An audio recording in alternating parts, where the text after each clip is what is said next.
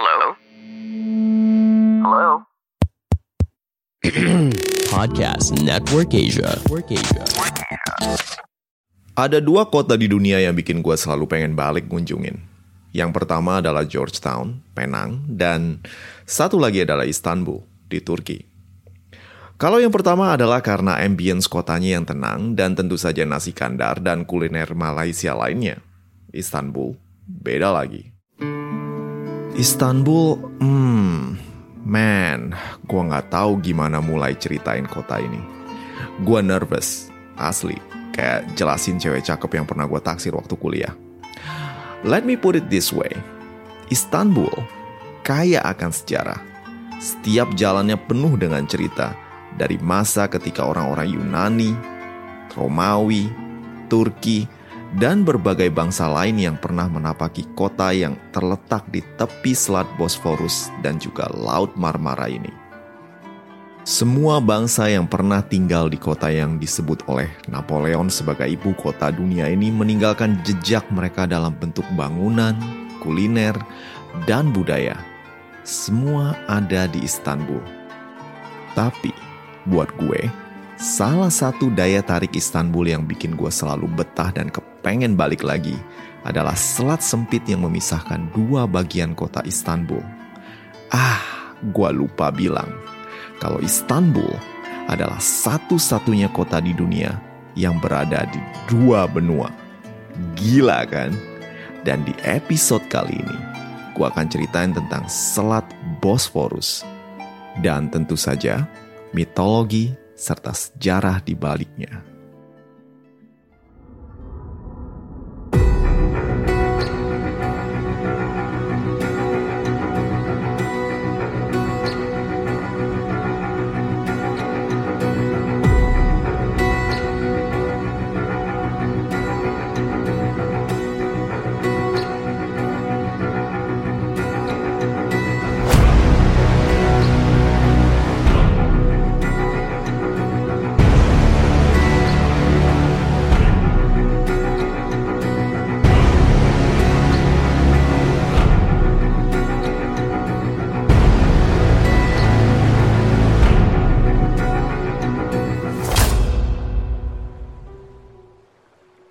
Alkisah di satu siang yang cerah di Olympus.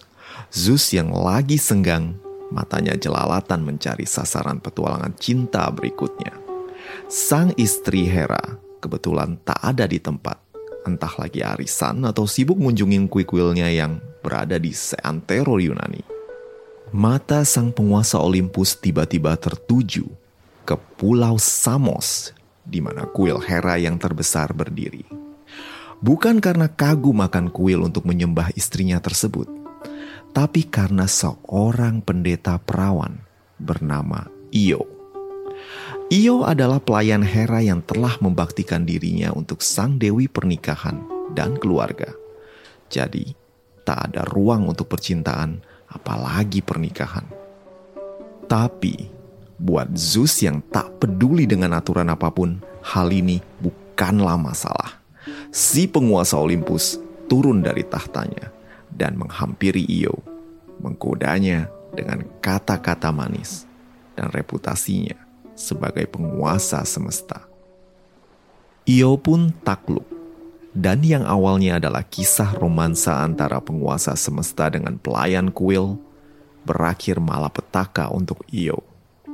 Hera yang konon melihat badai kilat menyelimuti Samos turun dan mendapati Zeus tengah bersama seekor sapi betina. Sapi betina tersebut adalah Io yang telah diubah oleh Zeus demi mengelabui Hera. Namun Hera bukan pertama kali mendapati suaminya selingkuh dan tahu bahwa ada udang di balik sapi. Hera meminta sapi tersebut dari Zeus dan memerintahkan bawahannya, seekor raksasa bermata ratusan, untuk menjaga sang sapi. Walau akhirnya Zeus mengirimkan Hermes untuk membunuh raksasa tersebut dan juga membebaskan Io, sang sapi cantik tetap tak bisa lepas dari angkara murka Hera. Sang Ratu Olympus mengirimkan kawanan lalat untuk menyiksa dan mengejar Io ke mana pun dia pergi. Io dalam bentuk sapi berlari, diikuti kawanan lalat sampai ke ujung Eropa, di mana dia turun ke selat sempit yang memisahkan Eropa dan Asia. Io pun menyeberang ke benua Asia demi menghindari kawanan lalat tersebut. Gua nggak akan ceritain lebih lanjut soal Io, karena gue udah pernah ceritain soal Io di episode Catatan Gosip Helios, Godaan Sang Raja Dewa dan Kutukan Hera. Wah, panjang banget judulnya. Anyway, kalau kalian tertarik dengar lanjutan cerita dari Io, go check it out. Peristiwa nyebrangnya Io dari benua Eropa ke Asia, kemudian berbuah pemberian nama selat sempit tempat si sapi nyebrang. Orang Yunani kuno emang kreatif. Bersumber dari cerita ini, selat ini pun dinamakan Selat Bosphorus yang artinya selat sapi nyebrang. Selat Bosphorus merupakan pembatas alami antara benua Eropa dan Asia. Selat ini juga merupakan penghubung antara Laut Marmara dengan Laut Hitam. Bagi orang Yunani kuno, selat ini adalah penghubung sekaligus batasan antara dunia mereka dengan dunia luar yang tak sepenuhnya mereka mengerti. Itulah kenapa Kebanyakan mitologi Yunani menggambarkan Selat Bosphorus bermuara di Laut Hitam dan dijaga oleh dua bukit batu yang saling bertabrakan, mencegah kapal mana pun untuk melewatinya. Bukit ini adalah batas antara bangsa Yunani dengan dunia di luarnya. Hanya orang-orang nekat, macam Hercules dan Jason, yang berani melaluinya dan merupakan pelopor menuju daerah timur yang penuh dengan mara bahaya dan juga kekayaan. Negeri di sebelah timur selalu identik dengan emas. Demikianlah Jason dan para Argonaut yang merupakan representasi dari ide pelayaran menuju timur bagi bangsa Yunani yang ingin mencari tanah baru dan kekayaan. Bagi mereka, Selat Bosphorus adalah tantangan sekaligus gerbang menuju dunia baru yang penuh dengan kesempatan. Jejak bangsa Yunani di sekitaran Selat Bosphorus dimulai dengan koloni-koloni kecil di pesisir barat yang disebut Kalsedon. Kalsedon didirikan oleh orang-orang Yunani yang pindah dari daratan utama Yunani untuk kehidupan yang lebih baik. Di kemudian hari, legenda mengatakan bahwa keturunan dari Io, yaitu Bizas, memimpin orang-orang dari Megara, satu desa di Yunani yang gersang dan madesu, untuk pindah ke daerah yang baru. Mereka pun kemudian meminta petunjuk dari Oracle Apollo yang kemudian bersabda, Tinggallah di seberang tanah orang-orang buta seperti biasa, jawaban gajah dari Oracle ini pun bikin bingung Bizas dan rombongannya yang kemudian memutuskan untuk berlayar ke arah Selat Bosphorus. Ketika menyusuri Selat Bosphorus, Bizas mengamati wilayah di seberang Kalsedon. Wilayah ini dikelilingi oleh tujuh bukit dan diapit oleh dua perairan. Selat Bosphorus dan perairan sempit yang disebut Golden Horn atau tanduk emas. Kondisi geografis ini membuat wilayah yang ditaksir oleh Bizas sangat mudah dipertahankan dari serangan musuh. Karena saat itu tak mudah menyerang wilayah yang dilindungi oleh perairan. Dan wilayah ini, dua pertiganya dilindungi oleh perairan. Bizas pun kemudian tertawa dan berkata, Orang-orang Kalsedon pasti buta tidak memilih tempat ini sebagai tempat tinggal. Sesuai dengan ramalan Oracle tinggallah di seberang tanah orang-orang buta. Bizas dan rombongannya pun tinggal di wilayah ini dan menamainya Bizantion, cikal bakal dari kota Istanbul sekarang. Selat Bosphorus merupakan nadi perdagangan dan kunci kekayaan bagi siapa pun yang menguasai wilayah ini. Jalur perdagangan dari timur ke barat melalui jalur laut pasti melalui Selat Bosphorus. Berbagai bangsa dan penguasa tertarik akan lokasi selat yang kini bisa kita seberangi hanya dengan naik feri selama 30 menit. Kapal trirem Yunani, kapal perang Ottoman, kapal tanker minyak Rusia, sampai kapal feri pernah berseliweran di selat yang kaya akan sejarah ini. Sekarang, cara terbaik untuk menikmati selat yang indah dan penuh sejarah ini adalah naik cruise yang menyusuri selat Bosphorus. Ada banyak feri yang siap bawa lu sekalian untuk menikmati keindahan selat ini sambil menikmati segelas atau dua gelas chai. Dari yang murah sampai ke mewah. Dengan makan malam plus hiburan dari tari perut, dari yang cuma 3 jam sampai ke 6 jam. Semua tergantung selera. Gua sendiri udah dua kali naik Bosphorus Cruise. Sekali naik Bosphorus Cruise hop on hop off, di mana gue bisa turun di tempat yang gue suka, dan naik lagi ketika gue mau pindah ke tempat yang lain. Dan satu lagi adalah Moonlight Cruise, di mana gue naik cruise selama 6 jam, dari jam 6 sore sampai jam 12 malam. Dan sampai sekarang, kenangan duduk di dek kapal sambil menikmati hembusan angin sore dan pemandangan bangunan-bangunan indah di sepanjang selat masih membekas di ingatan gue. Nyaris semua Bosphorus Cruise dimulai dari Eminonu, satu wilayah kota Istanbul yang berada di tepi selat Bosphorus, dan Golden Horn. Di sini kita bisa beli tiket untuk naik cruise sesuai selera. Mau 2 jam, 3 jam, atau 6 jam seperti yang pernah gue cobain. Di bulan Juni 2016, gue yang kala itu nyampe di Istanbul setelah berkeliling wilayah Turki dari timur sampai barat. Akhirnya mutusin buat nyobain naik Moonlight Cruise. Sesampainya di Eminonu, gue langsung berjalan menuju kantor Sehir Hatlari dan membeli tiket Moonlight Cruise seharga 20 lira atau sekitar 100 ribu rupiah waktu itu. Moonlight Cruise adalah tur dengan kapal feri di sepanjang Selat Bosphorus yang hanya tersedia pada hari Sabtu selama musim panas.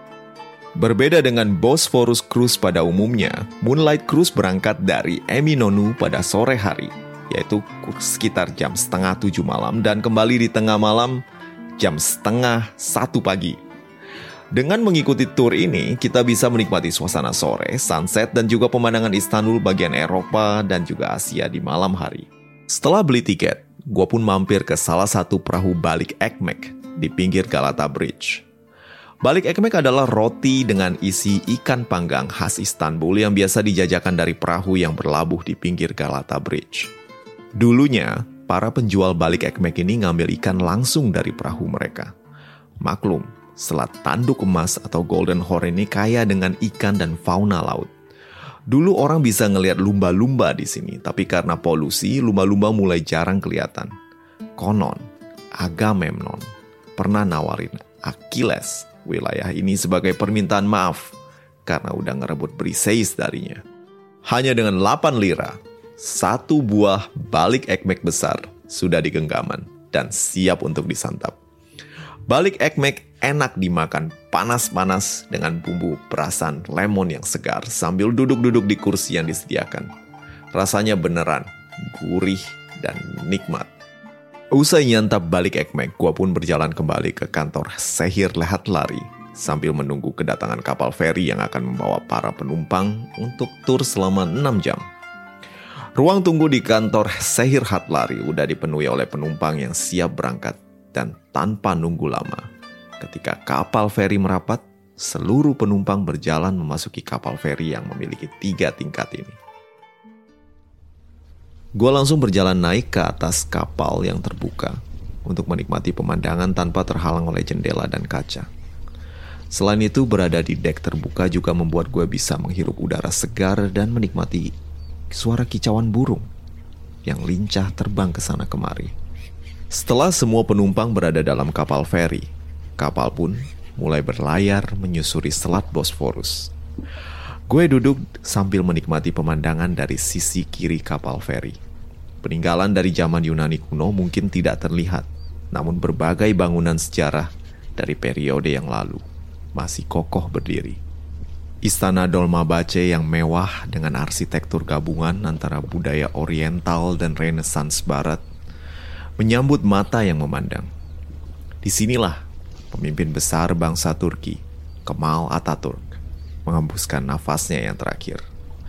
Konon, jam di istana ini juga sampai sekarang menunjukkan pukul 9 lewat 5. Waktu bapa dari orang-orang Turki ini berpulang ke ilahi. Tak jauh dari istana Dolmabahce, Masjid Ortakoy yang anggun dengan arsitektur neo-barok berdiri dengan elegan.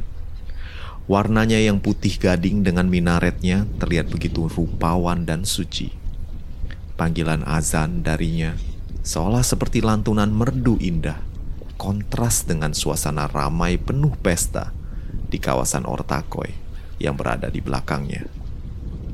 Kapal feri melaju terus, dan struktur kokoh bagaikan ular meliuk di tepi Eropa dari Selat Bosforus pun terlihat.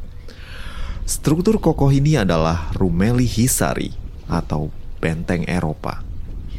Benteng yang didirikan oleh Sultan Mehmed II ini digunakan untuk melantikan laju bantuan kepada Konstantinopel yang kelak akan ditaklukkannya. Bersama Anadolu Hisari, benteng di sebelah Asia yang dibangun oleh ayahnya. Kedua benteng ini menghalangi bantuan dari Eropa untuk kekaisaran Bizantium yang sudah sekarat, bagaikan bukit simpel gada, menghalangi setiap kapal untuk lewat. Perjalanan dengan kapal feri memang menyenangkan. Gue yang pergi sendirian, duduk tenang, menikmati pemandangan sambil menikmati hembusan angin sore. Dan tanpa terasa, langit pun berubah warna menjadi temaram. Sang surya mulai tenggelam di balik awan kelabu yang mengubah sinarnya menjadi jingga. Kapal-kapal laut lain berpapasan, membunyikan peluit, dan burung-burung camar berterbangan. Sesekali satu dari mereka menukik ke permukaan air dan menangkap seekor ikan yang kemudian bercokol di paruhnya. Setelah berlayar selama satu setengah jam, kapal feri pun merapat di Anadolu Kavagi, sebuah desa kecil di tepi Selat Bosforus yang dipenuhi dengan restoran-restoran mewah.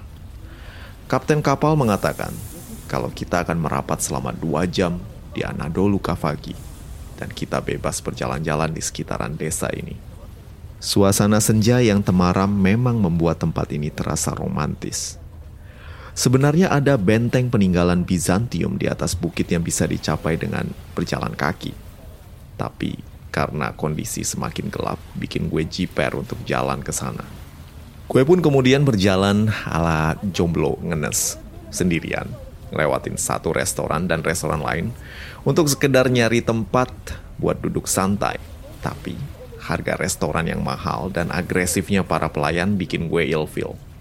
Gue pun kemudian menjauhi restoran dan kemudian sampai di satu kedai kopi yang dikunjungi oleh penduduk lokal. Gue mesen satu cangkir kopi hitam dan kemudian duduk sambil ngopi. Kedai kopi ini mungkin satu-satunya tempat yang murah di sekitaran Anadolu Kavagi yang dipenuhi oleh restoran mewah. Tempat ini udah kayak oase buat gue yang adalah traveler pelit.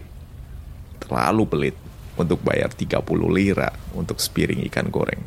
Setelah ngopi secangkir, gue pun kemudian jalan-jalan dan motret suasana malam di sekitaran Anadolu Kavagi. Jujur aja gue udah ngerasa bosen, karena tempat ini, walau terkesan indah, sangat turisti, dan gak banyak yang bisa gue lakukan selain duduk dan makan.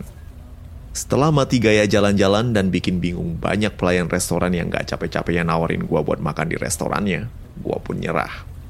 Gue mampir di satu restoran yang menghadap dermaga untuk minum bir Efes. Akhirnya gue duduk dan menikmati sebotol bir dingin di lantai dua dari restoran ini.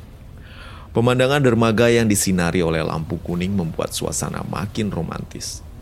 Di bawah sana, ada beberapa anak kecil bermain bola dan banyak keluarga menghabiskan makan malam dengan ceria sambil dengerin musik ala Turki yang penuh semangat. Gua duduk sendirian dengan si bir Efes yang perlahan-lahan jadi bagian dari diri gua. Ah, kesunyian yang indah. Mungkin bagi banyak orang, apa yang gua lakukan ini agak aneh kalau nggak mau dibilang galau. Tapi inilah ketenangan yang selalu gua rindukan. Sendirian di tanah yang asing, namun tak pernah kesepian. Kala kesunyian, adalah suatu nada yang begitu indah, mengalahkan bisingnya rutinitas dan harmoni sumbang kehidupan. Setelah menghabiskan dua setengah jam di Anadolu Kavagi, kapal feri pun siap berlayar kembali di kegelapan malam Selat Bosphorus. Gua pun kembali duduk di dek atas sendirian dan menikmati pemandangan lampu-lampu di daratan Eropa yang gemerlap. Nun jauh di sana, gue bisa ngeliat jembatan Bosphorus yang dihias dengan lampu berwarna ungu. Gue pun sibuk mengabadikan pemandangan ini. Dan kemudian naluri narsis gue pun muncul. Gue ingin mengabadikan foto diri gue sendiri di kapal feri ini dengan pemandangan yang indah tersebut. Tripod andalan gue pun gue pasang dan action kamera siap mengambil gambar. Sayangnya, angin malam bertiup dengan kencang dan tripod gue pun tumbang. Saat itulah, seorang penumpang lain tiba-tiba ngomong, Here, here, if you want to take a picture, let me help you. Ternyata suara ini datang dari satu cewek Turki yang udah dari tadi berada di belakang bangku gue sama keluarganya. Gue pun gak nolak difoto oleh cewek yang ternyata adalah seorang mahasiswi dari Bursa. Dennis namanya. Ternyata dia dan keluarganya udah ngeliat gerak-gerik gue dari tadi yang duduk sendirian di depan. You look so lonely and my father asked me to help you. Katanya. Wah, gue ngerasa terharu banget. Kelihatan banget kah gue sendirian? Gue pun kemudian terlibat obrolan santai dengan Dennis sambil menikmati pemandangan malam Istanbul. Sinar warna-warni dari bangunan di sepanjang selat menambah keindahan malam. Sesekali gue ngambil foto dan juga difoto oleh Dennis. Tak terasa kapal feri semakin dekat dengan dermaga Eminonu dan kami pun berpisah dengan kapal yang sudah mengantarkan kami menikmati pemandangan Selat Bosphorus selama 6 jam. Setelah mengucapkan selamat tinggal kepada Dennis dan keluarganya, gue pun kemudian melanjutkan perjalanan ke tempat gue nginep, Sultan Ahmed, dengan naik tram yang saat itu masih beroperasi. Perjalanan gue menyusuri Selat Bosphorus yang mempesona ini telah berakhir. Namun kenangan akan selat ini selalu terpatri di ingatan gue. Selat yang menginspirasi para pahlawan Yunani, para kolonis yang hendak mencari kehidupan baru, serta para penakluk yang silih berganti menguasai perairan ini tak akan terlupa. Selamanya Bosphorus akan mengalir dalam kenangan. Dan someday, gue berharap bisa menyapa kembali tempat ini. Seperti Jason dan krunya mengarungi selat menuju kemasyuran dan keabadian. Nah, demikianlah episode Jalan-Jalan Mitologi kali ini.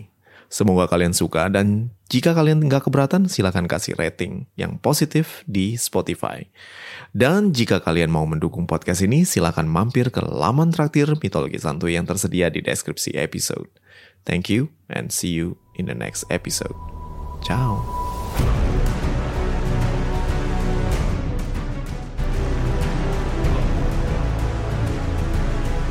Pandangan dan opini yang disampaikan oleh kreator podcast, host, dan tamu tidak mencerminkan kebijakan resmi dan bagian dari podcast Network Asia.